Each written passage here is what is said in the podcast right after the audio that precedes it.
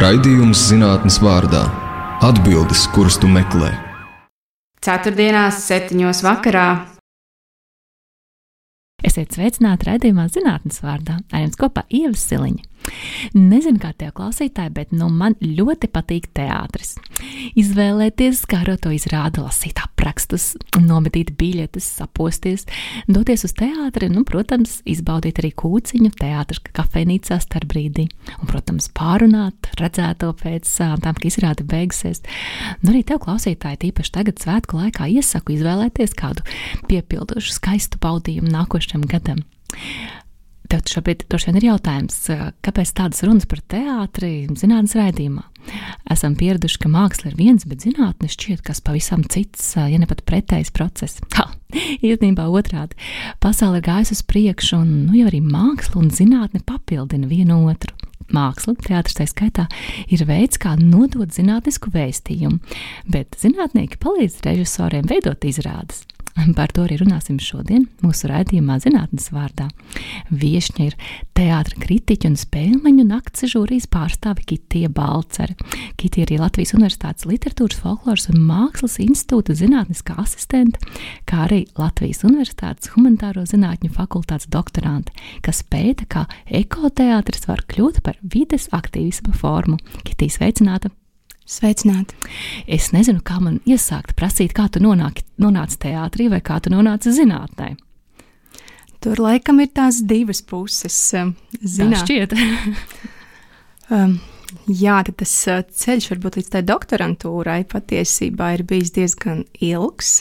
Rakstot teātras recenzijas kopš saviem pirmajiem studenta gadiem, kad pārvācos no Latvijas uz Rīgu un par tādu rituālu ir, bija kļuvušas teātris izrādes. Likumsakarīgi sanāca interesēties arī tik tālu, ka gribējās par to arī rakstīt. Un, jā, tad desmit gadus strādājot komunikācijas jomā un žurnālistikā, un paralēli turpinot rakstīt recenzijas, vienā brīdī sapratu, ka tas recenzijas formāts ir par knapu un gribas redzēt dziļāk. Un nevis tā dziļāk, bet tā pamatīgi dziļāk un disertācijas dziļāk. Jā, jo paralēli ir bijusi arī tēma par vidi un ilgspēju, kā man otra sirds lieta. Un tad, domājot, eh, Covid laikā, jā, lielās pārdomās gremdējoties, sapratu, ka gribas salikt šīs divas puses kopā un diezgan mehāniski meklēju tās tēmas, eh, kuras tad varētu būt tās saistošās, un nonācu pie jēdziena ekoteātris. Tu esi pirmā Latvijā, kas ko tādu pēta, vai ne? Jā, tā kā latviešu valodā laikam visur, kur šis vārds parādīsies, būs kāds no maniem tekstiem, bet pasaulē patiesībā par to runā jau kopš 90. gadiem un ļoti intensīvi. Nu, Pastāst, kas ir ekoteātris?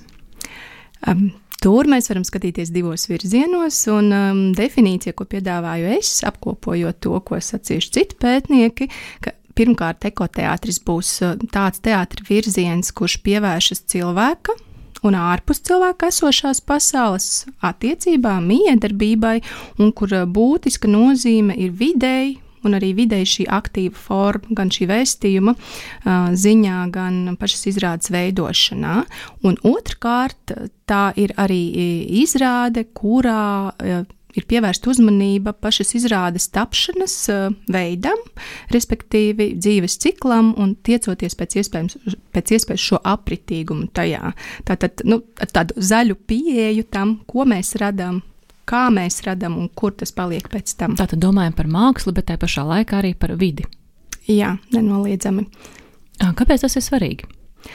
Kāpēc māksla nedrīkst dzīvot nu, tā normāli, kā dzīvojas līdz šim?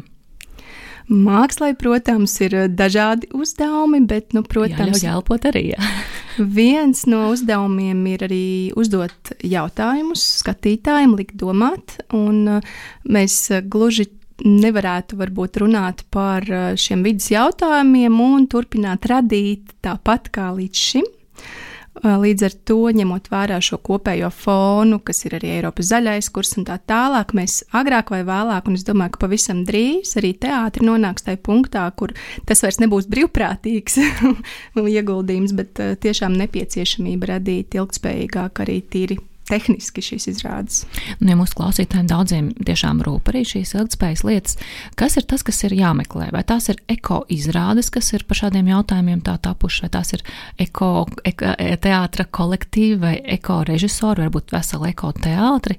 Kas ir tas formāts, kāds izpaužas dzīvēm? Un tur mēs varam iet tālāk jau pa trīs dažādām taciņām. Es varbūt iezīmēšu mm. īsi katru no tām. Uh, viena pieeja, ko arī saka teorētiķi, mēs varam runāt par ekorežiju. Tas nozīmē, ka mēs paņemam kādu klasisku darbu un uzsveram tajā tieši šos vidas aspektus. Vai tev ir kāds piemērs? Nu, kaut vai mūsu pašu um, Rudolfa Blaumaņa um, indrāni, tātad toša ciršana. Parasti tomēr uh, ir šis sociālais konflikts priekšplānā, bet tikpat labi kāds režisors var akcentēt tieši šo ekoloģisko aspektu. -hmm. Tas būtu klasisks darbs, kurā režisora izvēle ir akcentēt šos vidas jautājumus.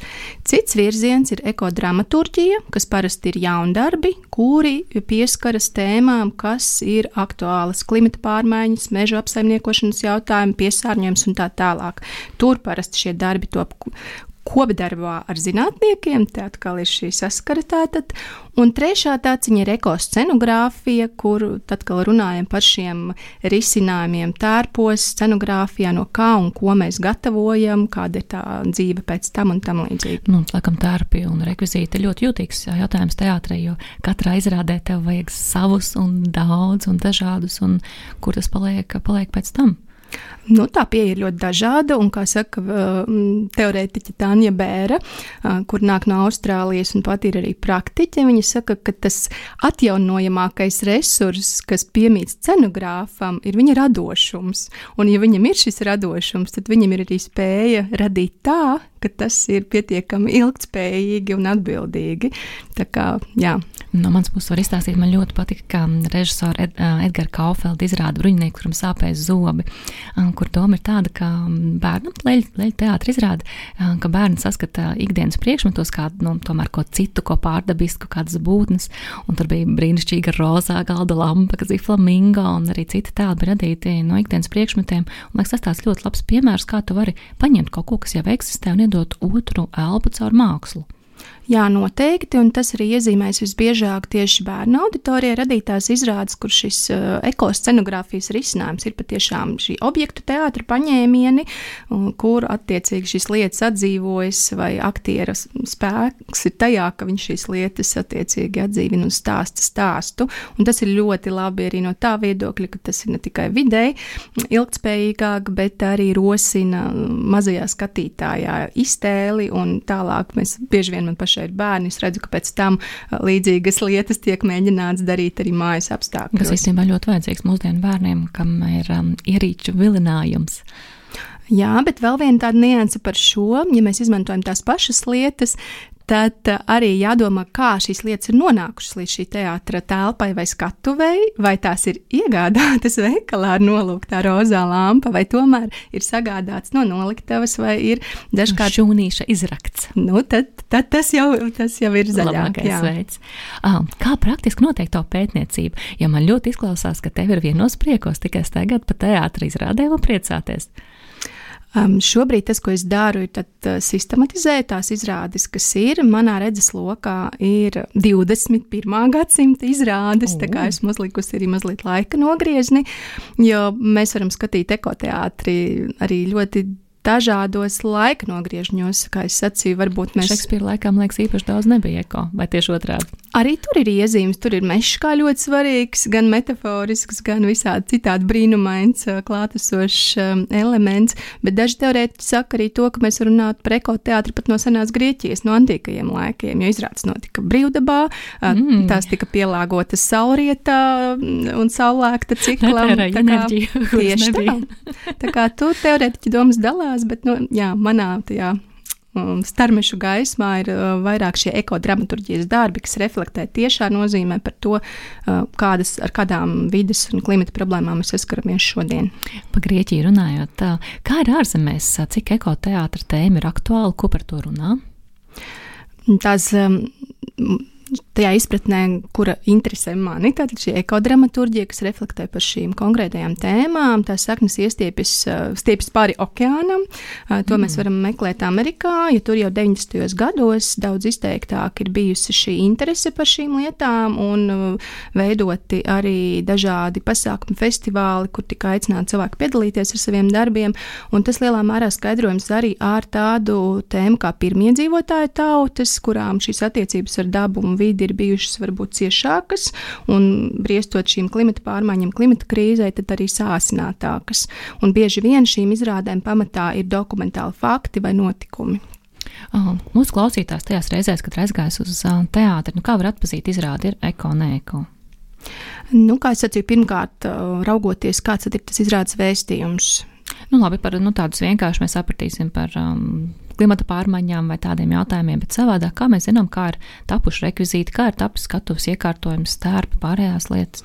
Nu, skatītājiem tas paliks bieži vien neredzams, bet vēl viena iezīme, kas raksturo vismaz tos darbus, ko pēta Latvijā, ka bieži vien šīs izrādes iziet ārpus klasiskām teātra telpām. Tātad, mm. um, jā, ka tā. Dod kādus piemērus pastāsti, kas notiek? Tās ir izrādes uh, lekcijas, izrādes pārgājieni, piemēram, um, jā, Kristai Burānē ir darbs no tā laika, koki vairs nerunā, kur cilvēki iet pārgājienā pa Rīgas bulvāri. Tas tik forši un apskata tātad apstādījumus vēsturiskā kontekstā ar Georgu Kūfaltu, kas ir bijis Rīgas pirmais dārznieks. Tātad bieži vien tās ir izrādes vidē, kas sasaucas arī ar vides teātra principiem, bet tur atkal kāds tas stāsts un vēstījums. Jā, un ka šīs izrādes bieži vien būs arī tās, kur skatītāja loma vairs nebūs tikai sēdēt mīkstā samta krēslā pustumsā. Tā kā tur var būt nērti jautājumi, sirdsapziņai var būt nērti, jā, vai domāt, nu, kritiski domāt rosinoši, gan arī līdzdalība. Tātad kaut ko darīt, iet, domāt, pieskarties lietām, kas savukārt veicina šo ekoloģisko apziņotību un līdzatbildību. Un kā klausītājiem atrast šo izrādi? Nu, jāseko dažādiem teātra piedāvājumiem, jo dažas no izrādēm ir parādījušās. Kā sociālajos tīklos vajadzētu piesakot, vai kāds cits labāks veids? Es domāju, ka sekot patiešām arī teātra veidotājiem, režisoriem, dramaturgiem, jo Latvijā ir konkrēti varbūt eh, cilvēki, personības, kas vairāk par šīm lietām interesējas, sekojot viņu daļradē, bieži vien arī var redzēt šos darbus. Un noteikti arī festivāls Homo Novus, kas notiek septembrī eh, Rīgā, ir tas tā platforma, kur parādās arī šādi darbi. Vai Latvijā ir populārāks, no populārs ekoteātris? Vai pagaidām vēl tā teikt, ir uz ko tiekties? Es teiktu, ka no tās tēmas un formas sinerģijas, ka tā ir vairāk tāda personība izvēle, kuri paši ir tādi sociāli aktīvi, pilsoniski atbildīgi cilvēki, un viņi to pauž arī savos mākslas darbos. Tā kā tur mēs pietuvojamies šai tēmai par vidas aktīvismu. Un, um, savukārt, uh, no šīs otras ražošanas puses, tur pakāpeniski pavisam drīz uh, būs arī šīs prasības arī teātriem, nu jau tādā stingrākā rāmī. Un par to arī uh, es nu pat biju Horvātijā, um, projektā Stages, kurš apvieno vairākas, vairākus teātrus Eiropā, kur patiešām par šo. Uh, ražošanas pusi aizvien vairāk domā un testē dažādas pieejas, pašnovērtējums, teātri veids. Es domāju, tas pavisam drīz klauvēs arī pie mūsu teātra durvīm. Kuras ir tās nācijas, tās valstis, kas ir pirmrindnieki, no kā mēs varam pašpikot labās idejas šajā jautājumā? Um, Latvija arī tur piedalās, bet Latvija piedalās Rīgas Tehniskās Universitātes palīdzību, kā tādi virsuzraudzītāji. Inovatori lielie, jā. Jā, savukārt no Latvijas teātriem pagaidām neviens tur nav. Ir Lietuvas teātris, kā, un Itālija, Beļģija, um, Horvātija tāpat. Jā, tā kā tur nāk kopā, spriež dalās pieredzē, un interesanta pieeja, ko šajā projektā arī īsteno, ir izrāde ir dramaturgiska izrāde, ko piedāvā brītu režisora Keitija Mičela, kas ir Eiropā, var teikt, ekoteātra tāda nu, pioniere un mūsdienās aizvien praktizējoša praktiķe. Un katrs teātris iestudēt šo izrādi savā teātrī, bet nepārvedot nekādu scenogrāfiju. Viņiem ir šis materiāls, un attiecīgi katrā valstī šī izrāde, um, tiecoties uz šo zaļo tūrēšanu, ja tā var teikt, jā, kā, kā šīs izrādes var izrādīt dažādās vietās, neceļojot, bet idejiski padodot. Tas ir interesanti ideja. Fantastiski. A, kā ekoteātris var palīdzēt risināt pasaules aktuālos izaicinājumus? Kā tu to redzi? Manuprāt, tas, ko piedāvā māksla un īpaši teātris, ir tas emocionālais virslānis. Ja mēs mm -hmm. lasām ļoti nopietnus un biedējošus dažkārt zinātnieku pētījumus eh, par šīm vidas problēmām, tad uh, vienā brīdī mums šī statistika, skaitļi, grādi, tādi abstrakti. Bet tas, ko dara teātris, viņš iedod šo emocionālo nu, kā māksla, kas ir runa par emocijām. Ne? Sajūtām. Un tas ir varbūt tas veids, kā var iekustināt tomēr uz rīcību, jā, ne tikai skatoties uz skailiem skaitļiem un, un domājot, ka tas mani neskars, bet daudz tuvāk, um, tuvāk pienākot šīm. Tas varētu būt tas pēdējais pagrūdienu punkts, lai cilvēks tiešām arī sāk darboties. Jo tie racionālie argumenti mēs jau zinām, vai ne? Mēs visi zinām, kā jādzīvo, kas jādara, cik jāsporto, bet vai mēs to darām, tas ir cits jautājums, vai ne?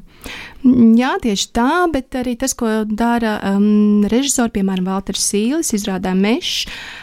viņš atstāja šo izvēli, protams, skatītāja ziņā. Izrāde balstās principā, ka cilvēks iet pārgājienā meža parkā ar austiņām, un vienā austiņā viņam runā viena balss, kur atbalsta šo vides aizsardzības tematiku, un otrā austiņā ir šī meža un koku kā patērniecības, kā resursa aspekts, un tad tas klausītājs tā kā šiem diviem pleciem klausoties šo vienu un otru balsi. Ko, ja?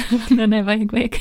jā, un līdz ar to nu, tas viņu rosina domāt, un tur netiek dotas uh, labā praksa, tomēr tā, ka netiek dota pareizā atbilde vai tā vienīgā atbilde, ja, bet tā ir tāda domāt, kritiski domāt, rosinoša pieeja. Nu, brīžam tās labākās izrādes arī ir tās, pēc kurām mēs paši aizdomājamies un kas atstāja mūsos uh, nospiedumu. Pēc kurām nevar tik viegli aizmigt, jā. arī taisnība. Turpināsim ar mūziku.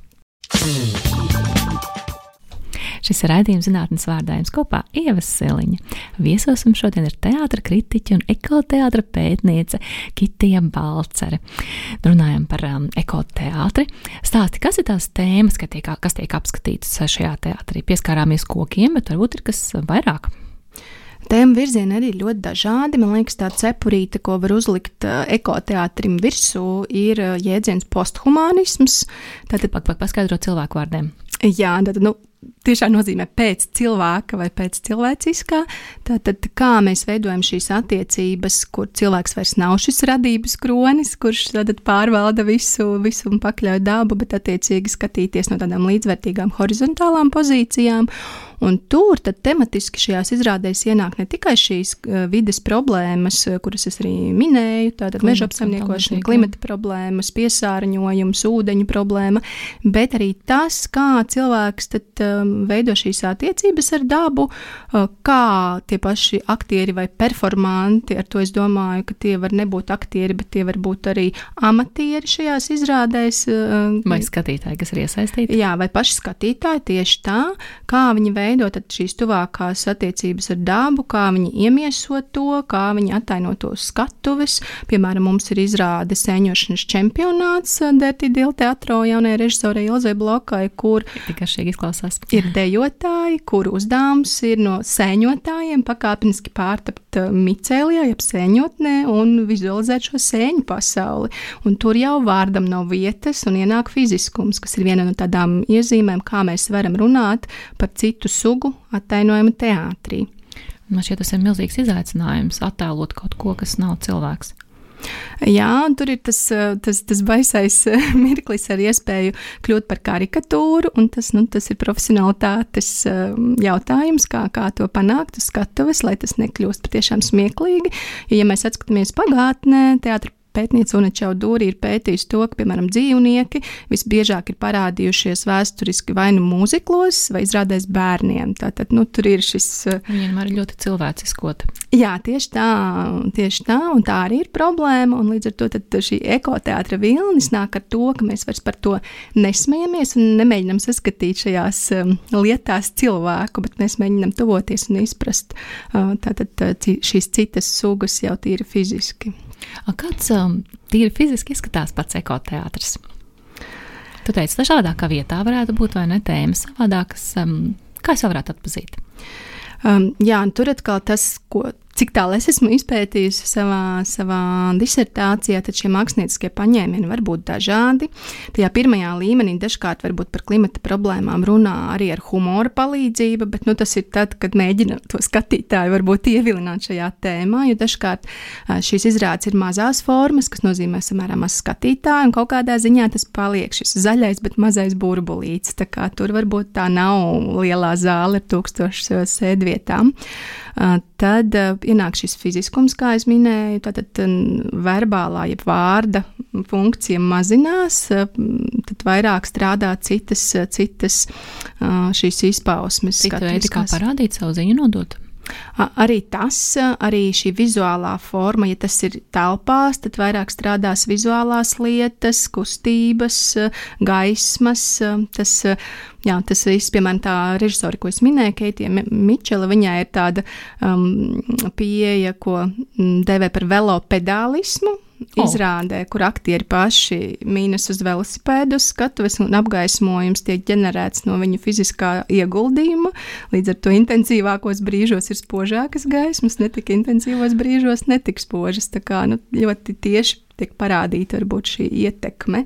Ar ko īstenībā dod arī ļoti lielu tādu ziņu skatītājiem, vai ne? Jā, tā kā. Lietām, tu... ko mēs neaizdomājamies.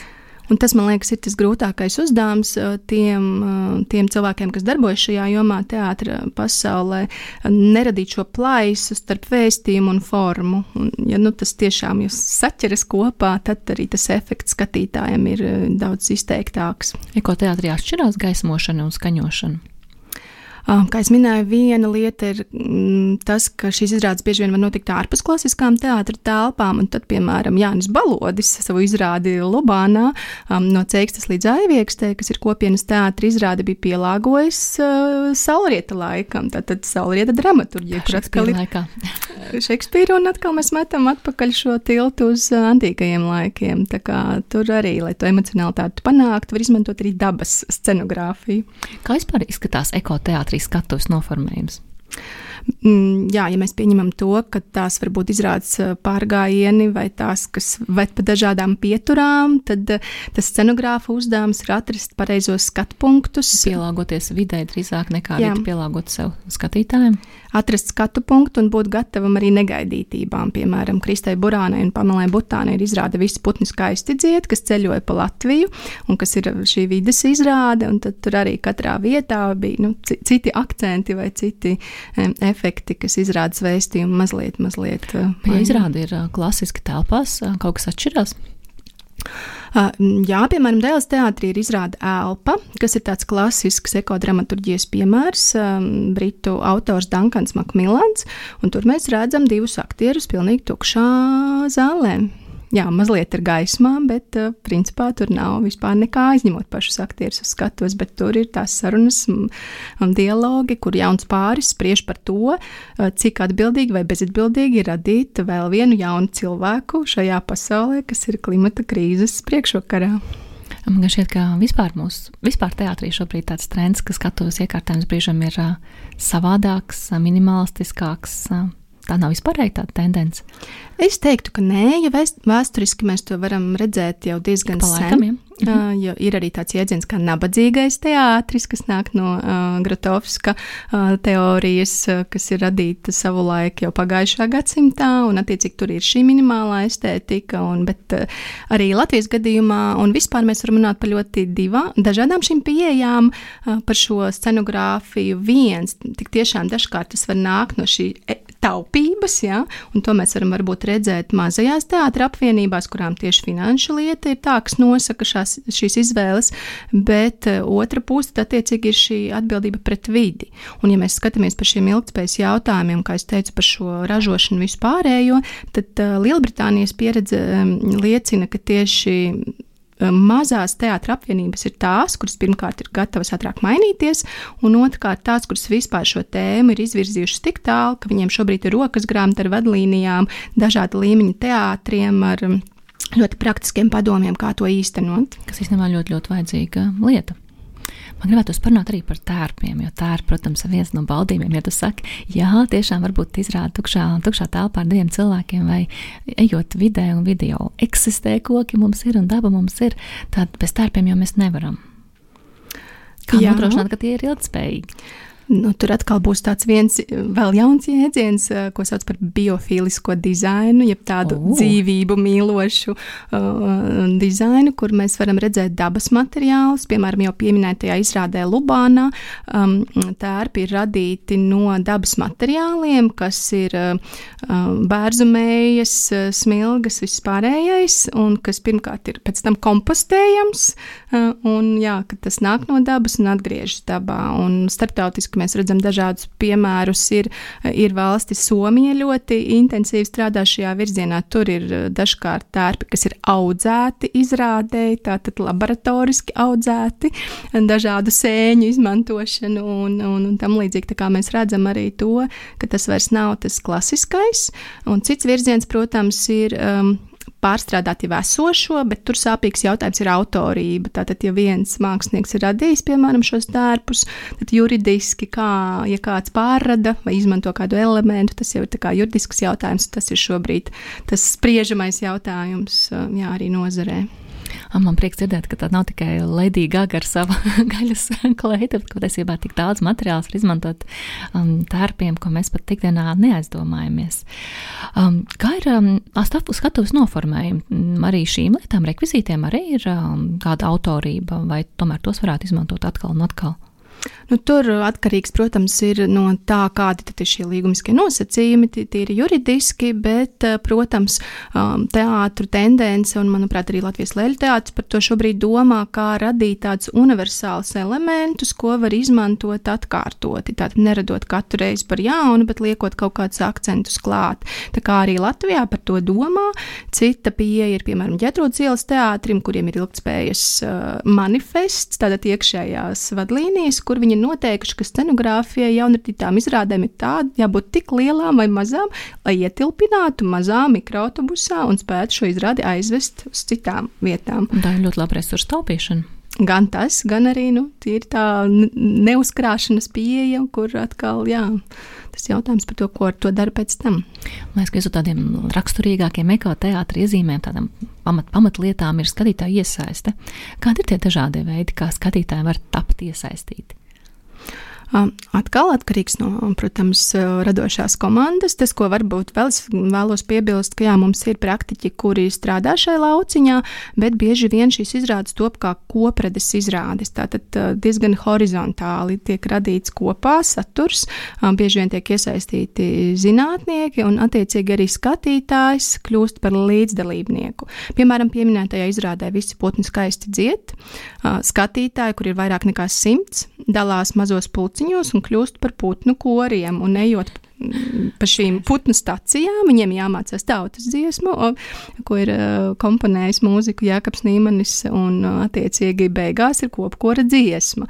Tā kā tur arī tīri funkcionāli viņiem ir šāds uzdevums, bet papildus viņi tīri fiziski ar horeogrāfas Kristīnas Brīniņas palīdzību izpilda dažādas fiziskas kustības, lai ilustrētu, piemēram, atšķirības starp to, kāds ir dabisks mežs un kāds ir nu, stādīts mežs, ja, kas nav varbūt tas klasiskā vecā meža pieeja un uh, izkārtojoties dažādās geometriskās formās, tad arī skatītājs fiziski nostiprina šo izpratni par to, kā tas ir dabā.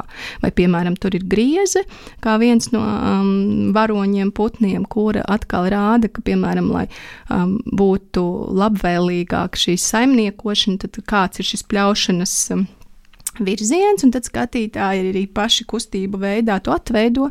Mēs jau zinām, ka tāpat kā bērni mācās darot, arī pieaugušajiem arī izrādā esot, tad, tad ir fiziskajā. Fiziskajā atmiņā tas nostiprinās daudz labāk. Kāds vispār ir teātris krājumiņā, šīs metodes, iespējas, kā nodrošināt šo klātbūtnes efektu, skatītāju iesaisti interaktīvo pieredzi?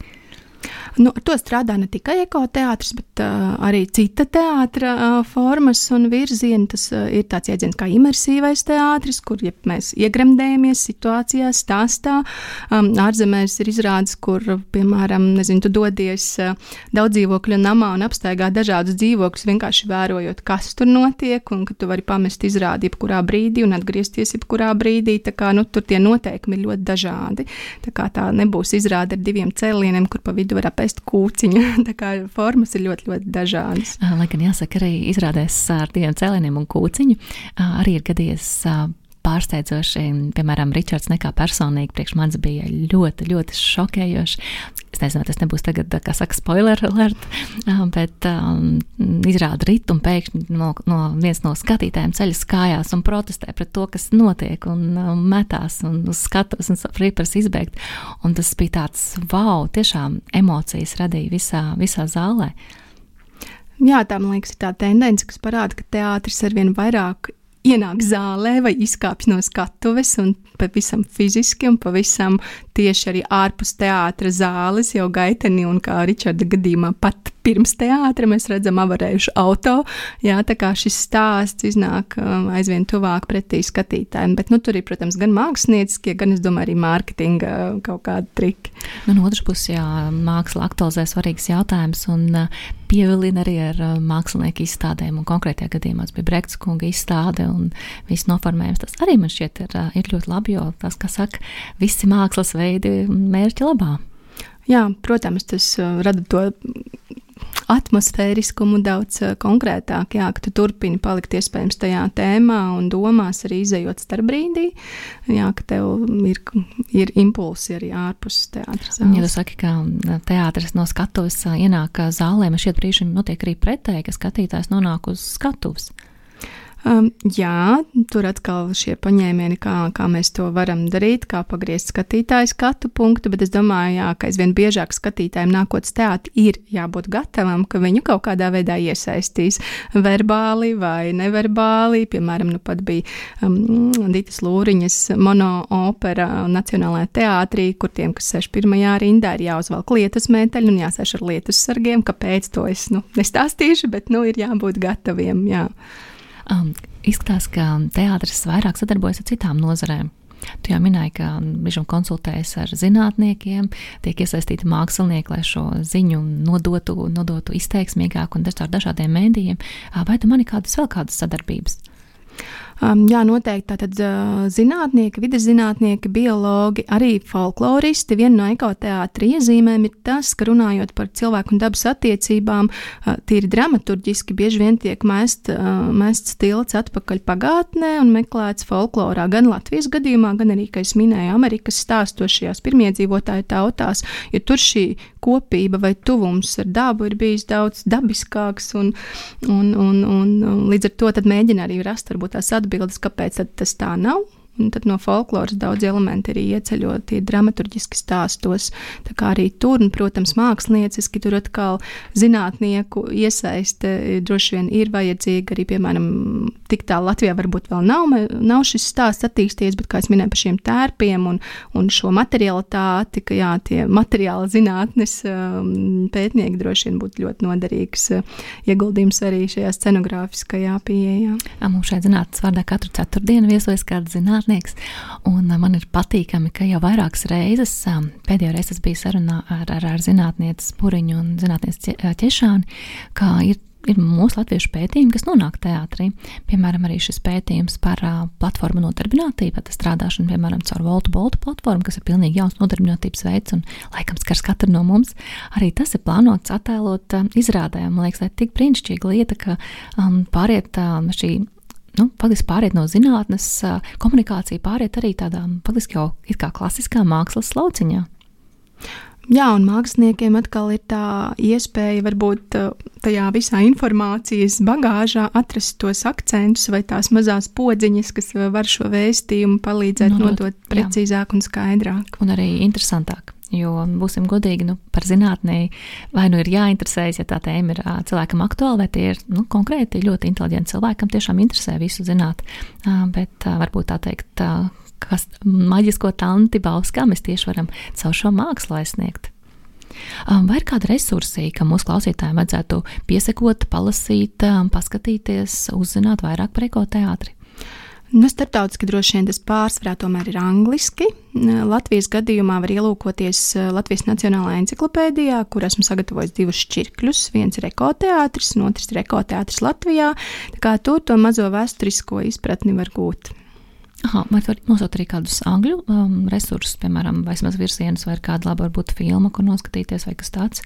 Nu, tie vairāk ir teorētiķi droši vien šajā mm. brīdī, jā, un tās ir grāmatas, kas bieži vien ir zelta vērtē, kā zinām, zinātnē. Mm -hmm. Tā kā tur tāda ļoti brīvpieejas materiāla laikam pagaidām nevar ieteikt. Aha, kas nozīmē, ka būtu vērts piesakot uh, tiem cilvēkiem, kas strādā ar ekoteātri un skatīties uz rezultātu. Jā, tas man liekas, no tās gala ir jāsāk. Laiks dziesmai. Šis ir raidījums zinātnes vārdājums kopā Ievas Siliņa. Viesosim šodien ir teātra kritiķa un ekoteātra pētniece Kitija Balcere. Noklausoties visu, ko tu stāsti, no man rodās sajūta, ka ekoteātrs ir mūsu visu nākotne visos teātros. Es varbūt nebūtu tik optimistiska. Protams, es par to priecātos, bet noteikti tā ir, tas ir viens virziens. Formas ziņā varbūt tas tiešām tā būs, bet manuprāt, tas, kur ekoteātris var atbalstoties arī visā pārējā teātrī, kaut kādā ziņā ir šis autentiskums. Ja ekoteātrī ir šī dokumentalitāte un, un tātad reālās dzīves. Īstums īstums atspoguļošana, tad varbūt teātrī arī mēs redzam no pēdējām sezonām, ka aizvien vairāk, īpaši mazajās zālēs, ienāk izrādes, kurās ir šie īstie stāsti, dokumentālie stāsti, kas notiek. Iedod kādu piemēru, lai mēs zinām, par ko mēs runājam. Nu, jā, piemēram, jaunajā Rīgas teātrī tātad ir izrāde Milžu cīņas, Marijas mm -hmm. Linartes darbs, kura pati ir zemesardzes um, dalībniece, tāpat kā aktieri Inga Tropa un Jānis Grūtups, un viņi kopā veido šo izrādi, reflektējot par savu pieredzi tajā, bet pasniedz to tādā poetiski, ironiskā formā un mazajā, mazajā zālē, un tad skatītājiem tā ir iespēja izzināt jā, ļoti konkrētas uh, sociālās grupas, kas šī brīža apstākļos visiem ir ļoti svarīga grupa, kāda tad ir šī pieredze un kāda ir arī sievietes pieredze šādā Un arī īstenībā divi vienā, jo tas ir mākslas un teātris baudījums, un otrs puses tie ir cilvēku stāsti. Mums, ko mēs ļoti gribam dzirdēt un uzzināt, ja mums tas ir ļoti nozīmīgi, vai ne? Jā, jo stāsts jau ir tā nesošā sija teātrī, un tas ir tas, kas zinātnē varbūt uh, iztrūkst, līdz ar to māksla spēja ar šo stāstniecības palīdzību tad, uh, ievilināt emocionāli. Un, Bet, jā, zinātnē, tas, kas dod to īst, īstenību un tos faktus uh, izrādē, tad faktiski šie stāsti jau arī dod īsto autentismu. Tādā ziņā prieks dzirdēt. Klau, bet kāda ir vispār, kur dodas teātris mūsdienās, kāds būs nākotnes teātris, ko mēs varam sagaidīt? Es domāju, ka tur parādīsies aizvien vairāk jā, tas, ka skatītājs aizvien vairāk varbūt atrod to savu lauciņu, kas viņu interesē. Tad ir mazliet tāda teātris skatītāja noslāņošanās, es gribētu Aha. teikt. Bet tas ir nu, subjektīvs skatījums, tas nav varbūt pētījumā pamatots. Um, jā, ka aizvien vairāk ir šīs mazās zāles, piemēram, Spēļu nakts pagājušā gada sezona arī liecināja to, ka mazā zālē konkurence bija milzīga un tās diskusijas un spriešana bija ilga un smaga, lai saprastu, kur ir tie pieci nominanti, kurus mēs drīkstam nominēt. Kā kā, kā šīs gada labākās izrādes mazajā formā. Un lielā forma tur atkal ir citi noteikumi, citas prasības, un arī es teiktu, kaut kādā ziņā varbūt cits skatītājs mazliet. Nu, mazā forma tas nozīmē tās vairāk tādas izrādes, kur tu jūties daļa no, kur jūties tuvāk skatu vai notiekošajiem. Arī jā, šī intimitātes pakāpe vai tūma pakāpe, uh, autentisku stāsta īstums vai jā, tā uzrunāšanas forma, uh, bet ne obligāti. Tātad tas ir atkarīgs, protams, no mākslinieckās ieceres un, un ansambļa izrādēm vajag lielu telpu, un to mēs redzam atkal uz lielās skatuves. Ko nozīmē būt uh, spēļu nakts žūrijā? Tas nozīmē gada laikā, sezonas laikā, tātad no rudens līdz nākamajam rudenim redzēt vairāk nekā simts izrādes. Tātad oh, es nezinu, aps, apsveikt vai izteikt līdzjūtību. Jā. um, jā, bet es teikšu, ka rodas zināmā mērā maza atkarība no tā visa, jā, ka tu redz visu, un tad līdz ar to arī izgaismojas daudz vairāk gan šis kopskats, gan arī nu, šī, šie nu, pērlītes, kuras tad attiecīgi mēs varam izcelt. Uh, un parādīt arī citiem. Kāds ir kopskats, kāds mums ir bijis gads Latvijas teātrī? Tas, kas manuprāt parādās aizvien vairāk, ka mums vairs nav teiksim, tā nejaušu darbu. Jā. Tie nu, darbi, kuri nonāk līdz nominācijām, tur bieži vien var redzēt, kāpēc viņš ir iestudēts, kā viņš ir iestudēts, kā viņš reflektē šī brīža realitāti. Mhm. Jā, tā apzināta pieeja, ka tas vairs nav tikai tāpēc, lai repertuārā būtu tas un tas, bet tie spēcīgākie darbi, kur savienojas mākslinieckā kvalitāte ar šo sociālo rezonanci. Nu, jāsaka, man kā vienkārši entuziastei un teātris mīlētājai šķiet, ka diezgan daudz rainas pēdējā laikā nāk ārā un otrs um, sabiedrībā aktuālie temati, piemēram, vardarbība. Jā, nu Rainis laikam šo sezonu jau raksturo uh, vairāk, tas, tas dižgars uh, ir, tad, bet arī mēs redzam viņa interpretāciju ļoti dažādi, nevis Oi, tikai slavinoši. Man ļoti patīk.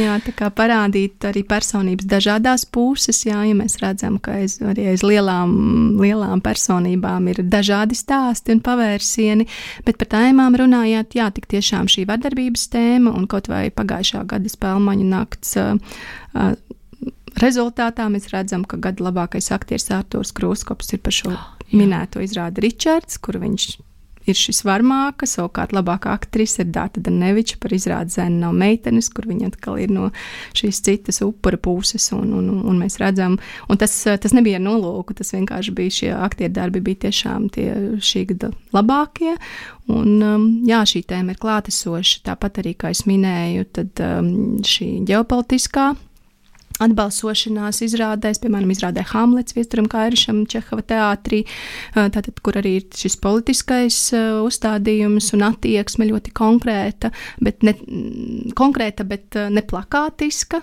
kas arī ir bīstama, bīstama vieta, un arī šie īstie stāsti, kā piemēram Darti Dilteatro Drama Queen, kur ir ukraiņu mākslinieca, kas ir šobrīd dzīvo Latvijā un kopā ar Valteru Sīli ir radījuši šo savu pieredzes stāstu, kurš runā par to, kas notiek šeit un tagad. Un tas skatītājiem nebūtu nav viegli, jo nav šīs distances pie notikuma. Jā, ja mēs runājam par izrādi, nezinu, kur pazuda valsts, dēls teātrī. jā, tad tur ir. Tur ir šī distance no šī jā, notikuma. Redz, bet uh, stāstā, kur mums stāv pretī ukrāņu māksliniece, mums nav šīs distances, un tas prasa daudz sakāpinātāku jā, šo emocionālo noturību. Um, tu esi ilgus gadus um, strādājis par teātra kritiķi. Stāsti, ko mūsu klausītājiem dod teātra kritiķis? Kā, kā jūs to varat izmantot?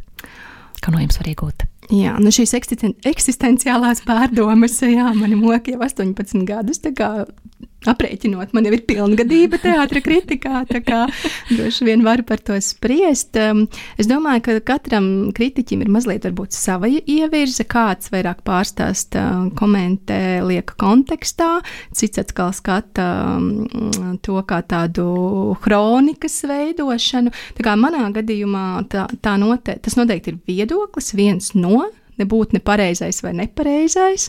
Un tas, ko tas dod skatītājam, Tas ir jautājums, kad viņš to kritiku lasa. Dažkārt es esmu saņēmusi atsauksmes par cilvēkiem, ka izlasot, es sapratu, kāpēc tas ir tā un tā. Uh, nu, ka varbūt kaut kādā brīdī es esmu tāds kā mazliet tulks kaut kādām skatu viskām izvēlēm vai norisēm, citā brīdī vēsturnieks, citā brīdī, kā es saku, varbūt skabārga kādam teātrim, ja, un par kādu konkrētu izrādi. Tā kā tās funkcijas mainās. Man kā gribētos um, uzsvērt momentu, ka kritiķis varētu izmantot, lai saprastu, kur ir tā izrāde, uz ko doties, jo skaidrs, ka um, vienkāršam cilvēkam, mūsu klausītājiem, nav iespēja apmeklēt simts izrādes gadā, vai pat vēl vairāk, jo viss, kas tiek iestudēts, izvērtēts un ir jāizvēlas tās dažas, kas īpaši uzrunā. Un kā tad saprast tikai pēc, um, pēc kāda maza, maza klipiņa vai maza apraksta? Un man šķiet, kritiķi tie, kas varētu palīdzēt šajā darbā. Es domāju, tas var palīdzēt tad, ja ar kritiķi kādā brīdī gauma ir sakritusi, ja ir pārliecība, ka tas, par ko ir rakstīts, un es aizgāju noskatījos, arī tā domāju, nu tad varbūt tas ir paņēmiens, bet, nu, jāsaka arī tas, ka nebūtu ne par visām teātris izrādēm, um, man šķiet, ka ir šīs recenzijas pieejamas, tā kā tā arī ir problēma, jo par visu uzrakstīt nebūtu nevar, un dažkārt par kādu ir labi, ja kāda viena recenzija, un tur atkal vai tas viedoklis būs um, pietiekams, lai izvērtētu. Es ieteiktu lasīt vairāku kritiķu recenzijas, ja tādas ir pieejamas, un tad izlemt. Kā vispār strādā kritiķi? Noskatās izrādi un izsaka savu viedokli, vai tur ir kas, kas savādāks, īpaša metode? Nu, katram droši vien ir sava metode. Kāds raksta tumsā piezīmes mazā melnā blociņā, ko esmu kādreiz praktizējis, bet saprotu, ka pēc tam neko nevar izlasīt. Dažkārt pildspalva ir par skaļu vai zīmulis skrapst par skaļu. Tā kā manā gadījumā nu, tās ir pārdomas, ir tūlītējas piezīmes. Man ļoti patīk, ka tā izrāde nosēžas, ka es nerakstu tūdaļ, ka ir kaut kāds laiks, kur es staigāju ar domām par to, bet, nu, esot žūrijā, atkal klājas slāņiem pāri, un tad uh, tas pagājušais gads varbūt recenzijas ziņā bija tāds nabadzīgāks, jo bija iespēja vairāk redzēt, bet mazāk rakstīt. Um, kā, kā klausītājiem atrast savu īsto izrādi? Pieņemot, ja nav atrasts, protams, ir atrasts kritiķis, ko sakrīt gaume, tad uh, laikam viss ir vienkārši. Uh, bet, ja tā nav, tad kā saprast, kas ir tas, uz ko vajadzētu, kas tiešām patiks?